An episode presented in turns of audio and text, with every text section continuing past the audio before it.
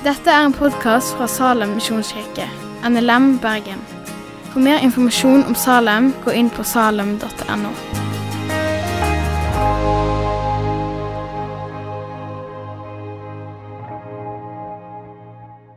God søndag, alle sammen.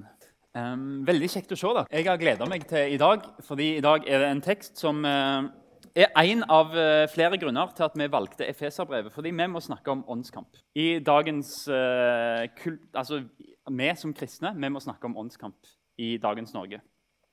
Og Det er teksten i dag handler om. Eh, om Guds fulle rustning, og om hvorfor vi skal ta på oss en rustning. Og Det er usedvanlig viktig å snakke om. Og jeg, jeg opplever at eh, kristne ikke eh, er så grunnfesta når det kommer til kunnskap om hvem vi kjemper mot. Og det tror jeg er viktig at vi må kunne. Åpne dører eh, de har et, eh, et opplegg, et um, undervisningsopplegg for forfulgte kristne og mennesker som kommer til å møte forfølgelse, som heter 'Stå sterke i stormen'. Og det aller første leksjonen de har, det er 'Hvem er djevelen?' Hva gjør djevelen? Hva er hans taktikker? Og hvordan kan vi stå han imot? Fordi de vet at hvis kristne vet om dette, at det er deres fiende, så er det en utrolig stor forskjell på hvordan de møter de menneskene som forfølger dem. Når de ser at det fins et verdensbilde bak, så ser de at vi kan hjelpe dem til å møte forfølgerne på en god måte, selv om de står i en kamp med åndskreftene bak. Efeserbrevet det er delt opp, det har jeg sagt mange ganger allerede, men i første, kapittel 1-3 handler om frelsen ved troen og nåden alene. Kapittel 4-6 det handler om livet under nåden i kirka og i relasjoner. Hvordan skal vi leve som kristne? Og det står om I kirka skal vi ha enhet i relasjoner, vi skal ha enhet i lære. Vi skal tjene hverandre hver med den nådegaven vi har fått. Og så står det om at vi skal bli et nytt menneske. Vi skal leve ut troen. Det skal få konsekvenser for livet vårt. Vi skal ha Jesus som forbilde og leve det ut. Og så skriver Paulus videre om hvordan vi skal leve i ekteskap, i en gjensidig underordning til hverandre. Med Jesus som forbilde, som ga seg sjøl for kirka. Og så står det videre om relasjonen mellom foreldre og barn. Hvordan foreldre skal ha omsorg og rettlede sine barn. Og gi dem en god og sunn heim. Og så står det om slaveri og, og, Vi kan egentlig ta mye av de tekstene som handler om slaveri, til å se på det at det handler om arbeid, for vi skal tjene Herren gjennom jobben vi gjør. Så det står egentlig I Efeserbrevet så ønsker Paulus et velsigna liv for oss kristne. I ekteskap, eh, som i relasjon barn-foreldre og arbeidsplassen. Gud vil at vi skal ha det godt, at det skal være oppbyggelig og tjenlig, at vi skal ha gode ekteskaper, gode arbeidsplasser og trygge hjem. Men så vet vi av erfaring Du har kanskje kjent det sjøl, eller du kjenner noen, at dette er relasjoner som kan gå i tusen knas.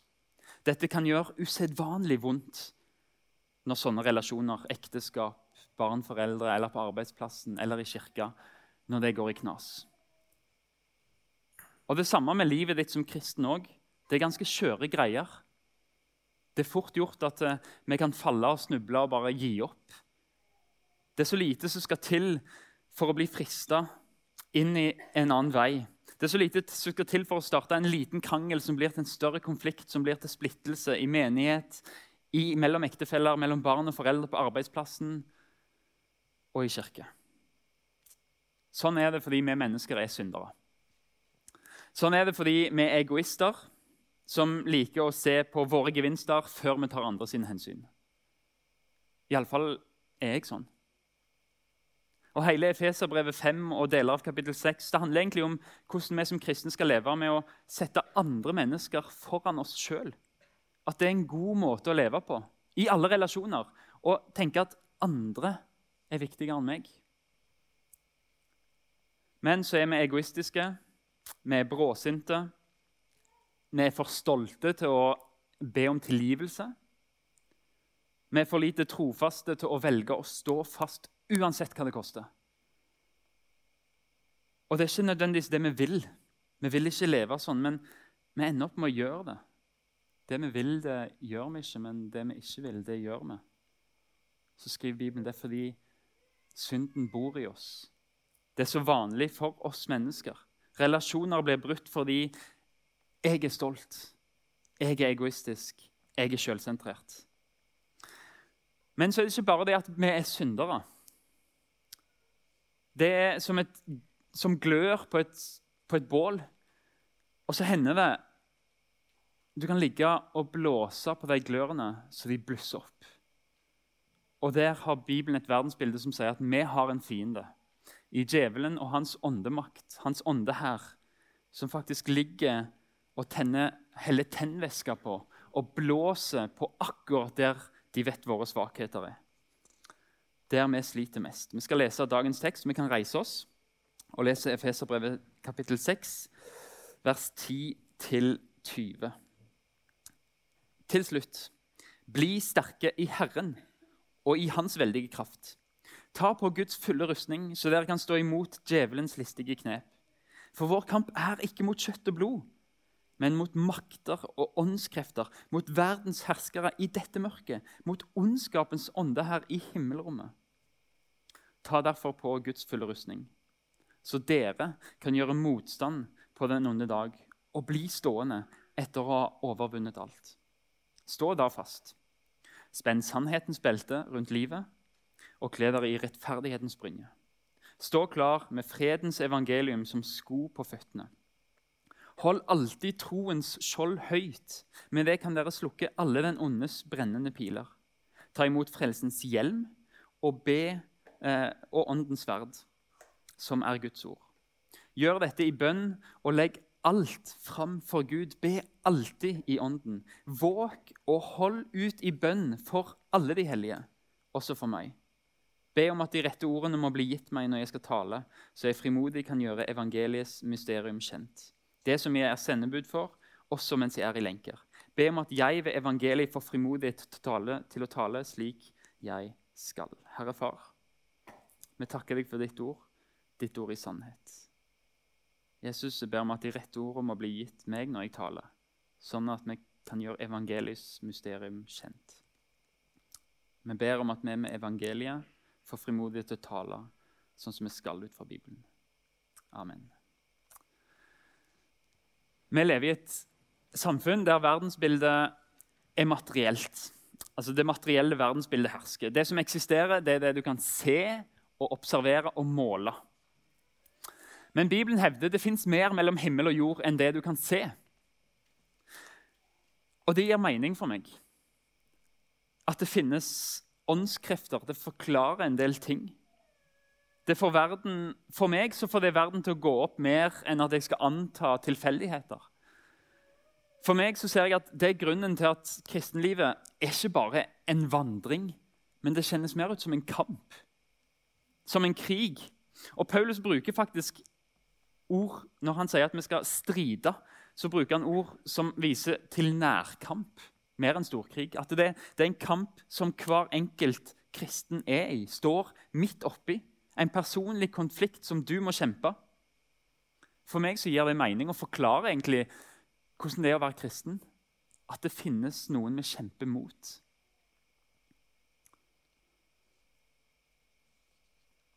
Vi sliter med synd, ja. Men samtidig så er det noe mer. Fordi det er alltid den samme fristelsen som er attraktiv. Akkurat som om det er noen som plasserer en fristelse der. En av løgnene til djevelen er at du må kjempe alene i denne kampen. Men da har han allerede viska ut alt det Paulus har skrevet om enhet i kirka, om å tjene hverandre, om at du har en ektefelle, mange av dere, som skal få være med å bygge deg opp. Og Djevelen har greid å stryke ut det med et pennestrøk hvis du tenker at du må kjempe alene. Fordi vi er søsken, vi er en kropp med forskjellige tjenester og nådegaver. har han skrevet. Noen er veiledere og sjelesørgere. Du trenger ikke kjempe sånne kamper alene. For vi sammen her er én kropp som står i dette. Djevelen kan lure oss til å kjempe at vi må kjempe alene, men vi er her sammen. Men la oss se litt mer for, på djevelen. fordi Store kriger avgjøres ofte av hvor mye vet du om motstanderen din. Hvor mye kjenner du hans taktikker? Og djevelen han er en personlig. Han er en person som aktivt jobber imot alt Gud gjør. Der Gud skaper frelse, der vil djevelen jobbe for at noen skal falle. Der Gud skaper enhet, der kommer djevelen til å være garantert for å prøve å skape strid. Der Gud har skapt et mangfold av tjenester i en menighet for å oppbygge hverandre, der vil djevelen være for å egge deg til misunnelse. Hvorfor har ikke du den gaven som han har? Satan, djevelen, er Guds motstander. Og han angriper Guds sitt aller svakeste punkt, Guds barn. Han angriper oss. Og han har taktikker, og det står om listige knep. Og Når, når Paulus skriver at djevelen har listige knep, så, så, kan du se for deg en fotballtrener som ser på motstanderlaget så tenker han, hva er deres svakhet. Ok, På høyrebekken der har de en tendens til å åpne opp et rom. Vi setter inn denne venstrevingen for å nettopp angripe deres høyrebekk. Sånn er det djevelen jobber. Når han ser på deg, så ser han hvor er din svakhet. Ok, vi setter inn denne fristelsen på det tidspunktet. Det listige knep som blir brukt. Og Han bruker fristelser for å få oss til å synde. Og samarbeider med vår svake natur. Han finner tidspunkt der vi er svake, sånn som han gjorde med Jesus i ødemarka. Djevelen baktaler oss. Han peker på synden vår og anklager og sier du er ikke god nok. Det her er ikke bra nok. Du kaller deg en kristen. Han sprer løgn om Guds ord, sånn som han gjorde i Edens hage. Har Gud virkelig sagt? Han sprer løgn om de troende, sånn som han gjorde i jobb. Og han sprer løgn til de troende, sånn som han gjorde med Peter, når Jesus sier 'Vik bak meg, Satan'. Han hindrer oss fra å bli kjent med Gud, og han hater alt som fører til åndelig vekst og frelse. Derfor er bibellesning og sette av tid til bønn en kamp for oss, fordi det er en som absolutt ikke vil det. Derfor er det vanskelig å finne tid til å sette av til bønnemøter. Fordi det er en som overhodet ikke vil at du skal dit. Han appellerer til absolutt det, alt det vi ikke liker i oss sjøl. Han appellerer til stoltheten vår. Kristian, du trenger ikke Gud, du. Du er jo egentlig ganske ålreit. Han appellerer til skyldfølelsen vår. Kristian, du er aldri god nok for Gud, og du har aldri vært det. Han appellerer til loviskheten vår og lager en sånn falsk skyldfølelse om alt det som allerede Gud har tilgitt.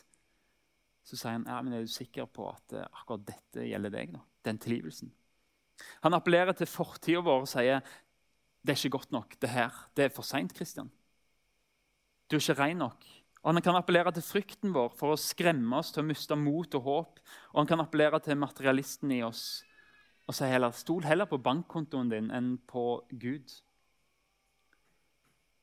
Og så er han ikke alene. For Hvis du blir angrepet av djevelen, så må det være utrolig viktig, for han kan ikke være alle steder på en plass. Men han har åndsmakter som han sender ut.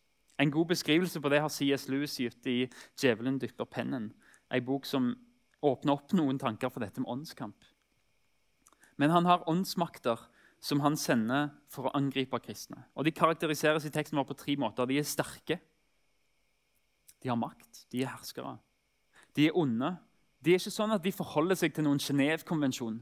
De gir deg aldri våpenhvile. De angriper akkurat når de vil, når du er svakest.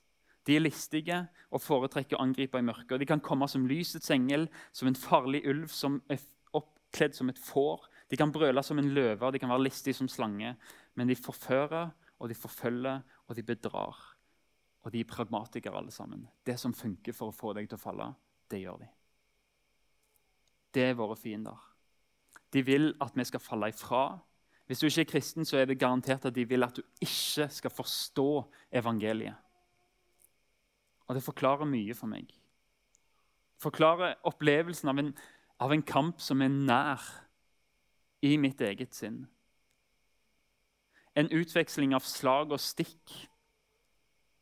At jeg står i en sånn kamp der jeg opplever det som vanskelig å være kristen. Fordi det kommer så mange tanker og stikk. Men hvordan skal vi kjempe? Hvordan skal vi kjempe i denne? Det første som gjelder, det er å innse at denne krigen er allerede vunnet. Du kan falle i et slag. La oss aldri legge det under en stol. Vi kan falle fra fordi vi blir frista til å gjøre det. Fordi vi, noen ting blir viktigere for oss. La oss aldri si at vi ikke kan falle fra. La oss være årvåkne. Men i så fall faller du i et lite slag i en krig som allerede er vunnet. Det går, blir som å gå over til taperlaget. Jesu død gjorde deg ikke bare fri fra synd og død, men òg fra djevelens makt. I Kolosserbrevet 1 så leser vi med glede skal dere takke Far, som satte dere i stand til å få del i de helliges arv i lyset. For han har fridd oss fra mørkets makt og ført oss over i sin elskede sønns rike. I ham er vi kjøpt fri og har fått tilgivelse for syndene. Og så står det noe om at han har knust djevelens ånde her når han døde på korset og ble korsfesta, og strøyk ut skyldbrevet og sier djevelen, du har ingenting på mine folk lenger. Djevelen har tapt mot Kristus, men han vil ikke gi deg opp før det er for seint. Han vil hindre deg i å ta del i Jesus' seier. Derfor sier Paulus, 'Bli sterke i Herren'. Han sier, 'Ta del i seieren'. Ta på Guds fulle rustning. Ikke din. Du står i fare for å tape, men ta på deg seiersdrakten. Vi er svake og troskyldige, med et lett offer for djevelen. Men i Herrens veldige kraft så kan vi stå imot. En kraft som reiste Jesus opp fra de døde, en kraft som har vist seg som seierherre. Døden, ondskapen sitt ultimate våpen, det ble pulverisert og knust av seierherren Jesus. Og den kraften som vekte han opp fra de døde, den bor i oss, skriver Paulus et annet sted. Jesus Kristus, Guds hellige ånd, som kan skape liv av død. Orden i kaos. Han er vår. Før vi går inn i selve rustningen, så er det én ting jeg har lyst til å si veldig tydelig. Vår kamp er ikke mot mennesker, kjøtt og blod, men mot makter, åndskrefter, mot verdens herskere i dette mørket, mot ondskapens ånde her i himmelrommet. Hva gjør det med oss når vi møter folk som vi er uenige med? I debatter, i vanskeligheter, så kan vi møte mennesker i visshet om at du er ikke min fiende.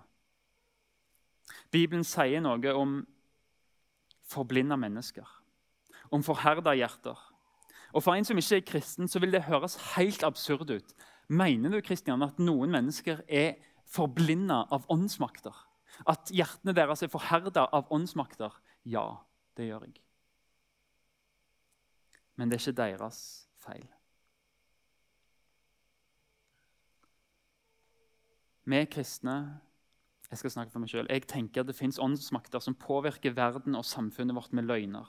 Og løgner som vi gjerne har lyst til å avsløre. Men det betyr at vi må vite at vi kjemper ikke mot mennesker, mot kjøtt og blod, men mot åndskrefter. Det må gjøre noe i varmen i vår tone når vi snakker med mennesker. For jeg tror oppriktig at mennesker vil det gode, men så kan det være de er forblinda. Selv om folk er uenige med oss om etikk og levesett og Bibel, så skal vi tenke at dette er mennesker som ikke er våre fiender. Det fins en åndsmakt bak. Og så tror jeg av og til at vi kristne må ta oss sjøl i å diskutere som om åndsmakter ikke finnes. At det er menneskene som er våre fiender. Og så blir vi sinte, skuffa og kranglete i stedet for å huske å be. For Paulus sier faktisk det er sånn vi kjemper. Det er sånn vi tar på oss rustningen. Vi ber. Vi skal kjempe i bønn. Be for meningsmotstandere. Be for de som står på barrikadene, som vi trenger, og som gjør det på en klok måte. Men be om at lys og slør kan falle fra øynene. For det er ikke deg vi kjemper mot. Husk det. Et eksempel er fra 1. Peters brev, der Peter beskriver for de kristne i Lilleasia at de forfølges. og Han beskriver en sosial lidelse der mennesker blir stengt ute fra handel fordi de er kristne. De blir stengt ute fra familier fordi de er kristne. Og Så skriver han om lidelse som det ser ut som det er mennesker som påfører de lidelsen. Men så plutselig mot slutten av brevet så kommer Peter inn og så sier han, vokt dere for djevelen som går rundt som ei brølende løve. Og det kommer plutselig ingen plass fra. Plutselig bare drar Peter djevelen inn i bildet. Og så kan vi spørre oss ja, men hvor i all verden Peter, hvor kom dette fra? Peter prøver å vise at ja, det fins et liv i relasjoner med mennesker som er vanskelig, som skaper lidelse. Men husk, dette hele her er en kamp, en kosmisk kamp mellom Gud og mellom djevelen. Og dere står der, og det er han dere skal stå imot. Dere skal elske deres mennesker, og dere skal elske dem sånn at de blir nysgjerrige på å spørre om troen deres. Men det er djevelen dere kjemper mot, er Peters tanke. Fienden er ikke mennesker. De skal leve i fred med mennesker så langt det står til oss, sier Paulus. Men fienden er de usynlige åndsmaktene som påvirker verden vi lever i. Og den kampen kjemper vi i bønn. Be alltid. Ok, Så kommer vi endelig til rustningen. Hensikten med rustningen er at vi skal stå imot djevelens angrep. At vi kan bli stående. Og det første vi skal ta på oss, det er sannhetens belte. Et soldatbelte som skulle holde tunikaen eller skjorten sammen, sånn at du kunne bevege deg fritt og uhemma. Når en soldat tok på seg beltet, så forberedte han seg til handling. Og Vårt belte er sannheten. Sannheten om meg. Ja, Kristian, du er en synder. Men sannheten om Jesus, som elsker meg ubetinga, som ga seg sjøl for meg for å gi meg liv, og som viser meg min verdi som viser meg at jeg er tilgitt, at jeg er Guds barn, at jeg har en arv i vente. Uansett hvor mye lidelser jeg må tåle her på jord, så har jeg en uforgjengelig krans i himmelen. Og så sier Paulus det er ditt belte. Når du skal være klar til kamp, så bind den sannheten opp om deg. At du er Guds barn, tilgitt av nåde ved tro, og du har en uforgjengelig krans i himmelen. Og så er sannhet noe som er utrolig viktig for oss mennesker. Mennesker er ganske spesielle skapninger på den måten at vi er, har en evne til å se for oss noe og skape det. Vi er skapt i Guds bilde, vi har en kreativitet i oss. For så kan et menneske få en tanke, en drøm om å plante ei kirke. Og så begynner det mennesket å gjøre det bildet om til virkelighet og plante ei kirke. Det er en evne som ikke nødvendigvis, Jeg tror ikke dyra har den. Jeg skal ikke snakke på deres vegne. Men mennesker har denne evnen. Og Det er et av vårt sterkeste egenskaper som mennesker. En kreativitet, en evne til å skape. Men det er òg vår store akilleshæl. Fordi vi har òg muligheten til å ta negative tanker som ikke er sanne, og leve som om de er sanne. Vi kan tenke Kristian, du er ikke verdt nok. Og så begynner jeg å leve som om den sannheten er sann. Vi lar våre ideer få prege oss. Og Det kan være bra når vi får skape noe godt, men når de ideene ikke er sanne, at vi ikke er verdifulle, at vi ikke er gode nok, at vi ikke er tilgitt, at vi ikke er Guds barn ved troen av nåden alene. Så må vi binde sannhetens belte opp og si dette er ikke sant. Det er ikke sånn jeg skal leve. La sannheten få skjerme deg for å leve ut løgner som ikke er sanne. Den andre delen av rustningen er rettferdighetens brynje. Det er en brynje som dekker alle de vitale organene, sånn at vi ikke skal få barnesår. Og Den brynjen er rettferdighet. Vil si Guds nådige initiativ når han sørger for at vi som syndere kommer i et rett forhold til han. Og det er ingen åndelig beskyttelse som er bedre enn å være rettferdiggjort av Gud. Rettferdig sånn at du kan stå foran Gud uten fordømmelse, men å være akseptert av han. Og Når djevelen angriper ditt hjerte og samvittigheten, så kan du si vet du hva? Du har helt rett at jeg ikke er god nok. Men du tar feil fordi jeg er rettferdiggjort av Gud. Jeg er hellig fordi Jesus har gjort meg hellig. Og det er en sterk brynje som beskytter deg fra alle anklager. Og Så sier Paulus at vi skal ta på oss fredens evangelium sko, som sko. Og En soldat i Romerriket hadde pigger under sålene, så han kunne stampe nedi og I nærkamp så kunne han bli stående uten å bli dytta bak og fikk mye mer kraft bak alle sverdslag. Det hindra foten fra å gli og fra å miste festet. Og når vi tar imot evangeliet og gleder oss over den fred som det gir med Gud og med hverandre, så kan vi stå fast og si vet du hva? Jeg er tilgitt. Du får ikke dytta meg en centimeter. Nåden, tilgivelsen og vissheten om at du elsker, gir deg et fotfeste i kampen. Fjerde del av rustningen er troens skjold. Et stort, avlangt skjold som et bord, som et sånn stuebord, som bare dekka hele kroppen når du, du dalte bak det. Det var dynka i vann eller på en eller annen måte gjort fuktig, sånn at brennende piler slukte umiddelbart når det ble angrepet. Og Djevelen har sånne brennende piler i anklager mot oss, som de kan brenne som varme i samvittigheten og skape falsk skyldfølelse. Og ikke bare det, men tvilstanker, ulydighet, opprør, begjær ondskap og frykt. Og så sier Bibelen at ja, du har troens skjold. Du kan flykte bak troen din. Uansett hva djevelen kaster mot deg, så kan du møte han med å si ja, men jeg tror på en allmektig Gud som har frelst meg. Jeg tror på denne allmektige Gud som er nådig. Og Han vil prøve å sende brennende piler mot deg. djevelen altså. Når han minner deg om fortida di og mot syndene dine, mot alle dine fall, så skal du få møte han og si ja, men du kaster fortida mi på meg. Jeg tror på framtida mi fordi Jesus har gitt meg evig liv. Troen slukker angrepet. Og så skal vi få bære frelsens hjelm på hodet. Det vil si at vår forsikring, vår visshet om at vi er frelst, skal få beskytte våre tanker, hodet vårt.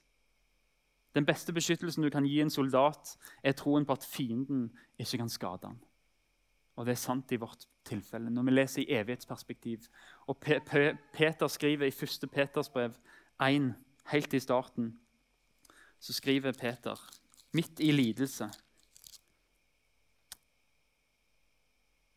Lova være Gud, vår Herre Jesu Kristi Far. Han som i sin rike miskunn har født oss på ny til, leve, til, et levende håp ved Jesu Kristi oppstandelse for de døde. Til en arv som aldri forgår, aldri skitnes til og aldri visner. Den er gjemt i himmelen for dere, dere som i Guds kraft blir bevart ved tro, så dere når, når fram til frelsen. Den ligger alt ferdig til å bli åpenbart ved tidens ende.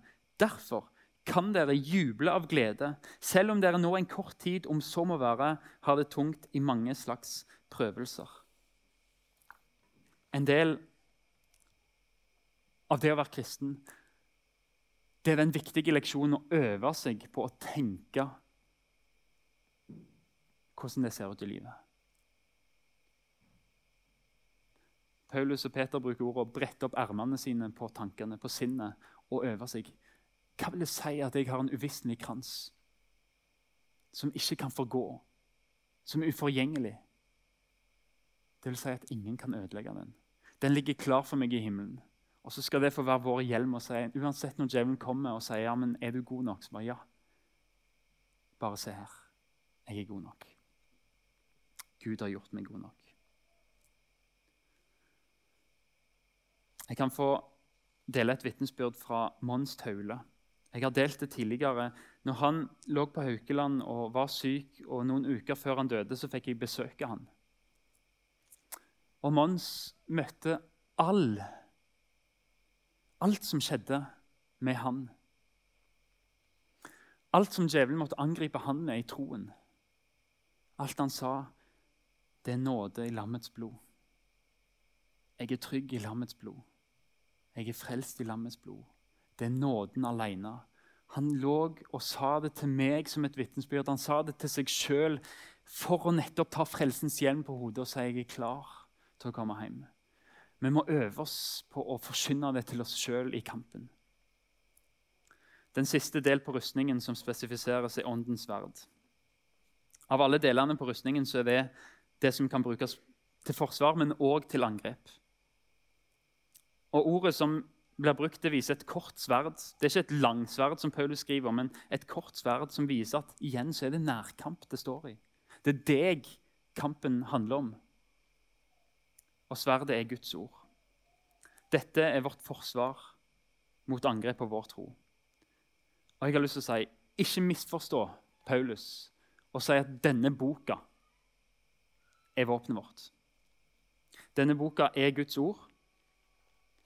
Men i kampen, i nærkampen, når du blir frista, når du blir anklaga, så er ditt sverd de ordene som du har lært deg av hjertet. De som bor i ditt hjerte, det er ditt sverd. Fordi når du blir angrepet, så er det veldig vanskelig å finne tid til å slå opp, til å finne bibelordet. Men hvis du har de bibelordene i hjertet ditt, i hodet, hvis du har lært deg de utenat, så kan du nesten umiddelbart som Jesus sier, ja, men Guds ord sier. Guds ord sier. Ikke forsøm å pugge bibelord av hjertet. Fordi det er vårt sverd, det er vårt angrep, det er en del av rustningen. De ordene som du kan, som du grunner på, de kan du bruke som forsvar og som angrep. Boka i seg sjøl er nyttig, men det vi lærer, det er det vi kan bruke i kampen umiddelbart. Salme 119. Hvordan kan den unge holde sin sti rein ved å holde seg til dine ord? Jeg søker deg av hele mitt hjerte. La meg ikke fare vill bort fra dine bud. I hjertet gjemmer jeg ditt ord, så jeg ikke skal synde mot deg. Helt til slutt. Hvordan tar vi på oss denne rustningen? Det skriver Paulus i bønn. Uten bønn så er vi svake og altfor vaklende til å stå imot den ondes veldige makt. Djevelen skjelver når han ser den svakeste kristne falle ned på kne og folde sine hender. Da har han ingenting å stille opp med.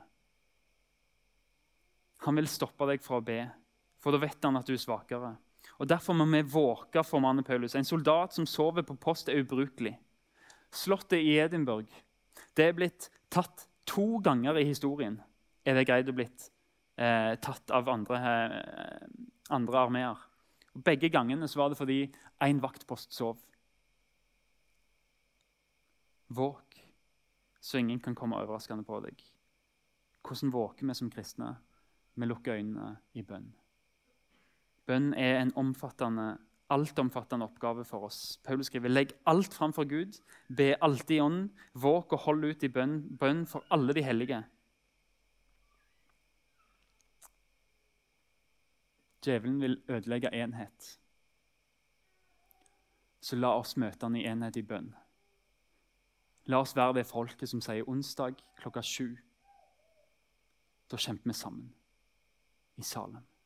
Vi møtes og tar på oss Guds fulle rustning for enheten i Salem for alle tjenestene i Salem, for alle nådegavene i Salem, for alle ekteskapene i Salem, for alle mor-far-barn-relasjonene, for alle arbeidsplassene, så kjemper vi sammen i bønn onsdag klokka syv.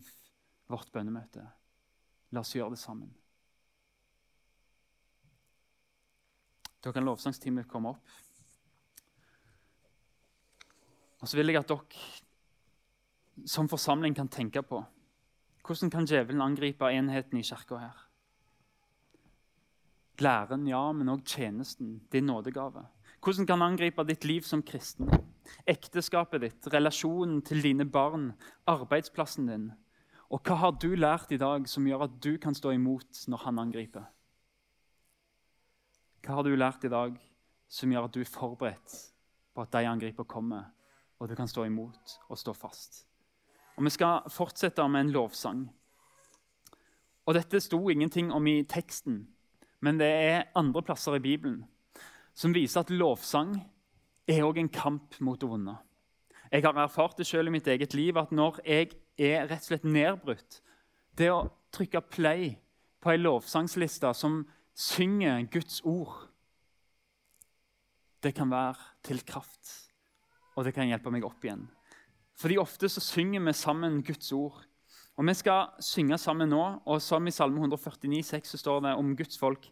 De har lovsang til Gud i munnen og et tveget sverd i hånden. Og la de to få kombinere seg. Vi har et kall som konger og prester å tilbe Guds majestet. Og Selv om djevelen er til stede i våre liv, så er himmel og jord full av Guds nærhet. Og alt han har skapt, skal gi han pris. Han er den evige 'jeg er'.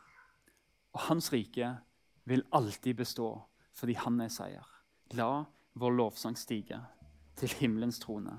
Fred være med dere, våre søsken. Og kjærlighet og tro fra Gud vår Far og Herren Jesus Kristus. Nåde være med alle som elsker vår Herre Jesus Kristus i et liv som aldri skal få gå. Takk for at du har hørt på podkasten fra Salem, Bergen. I Salem vil vi vinne, bevare, utruste og sende til Guds ære. Vi ønsker å se mennesker finne fellesskap, møte Jesus og bli disippelgjort her i Bergen og i resten av verden. Vil du vite mer om oss, gå inn på salem.no. Salem.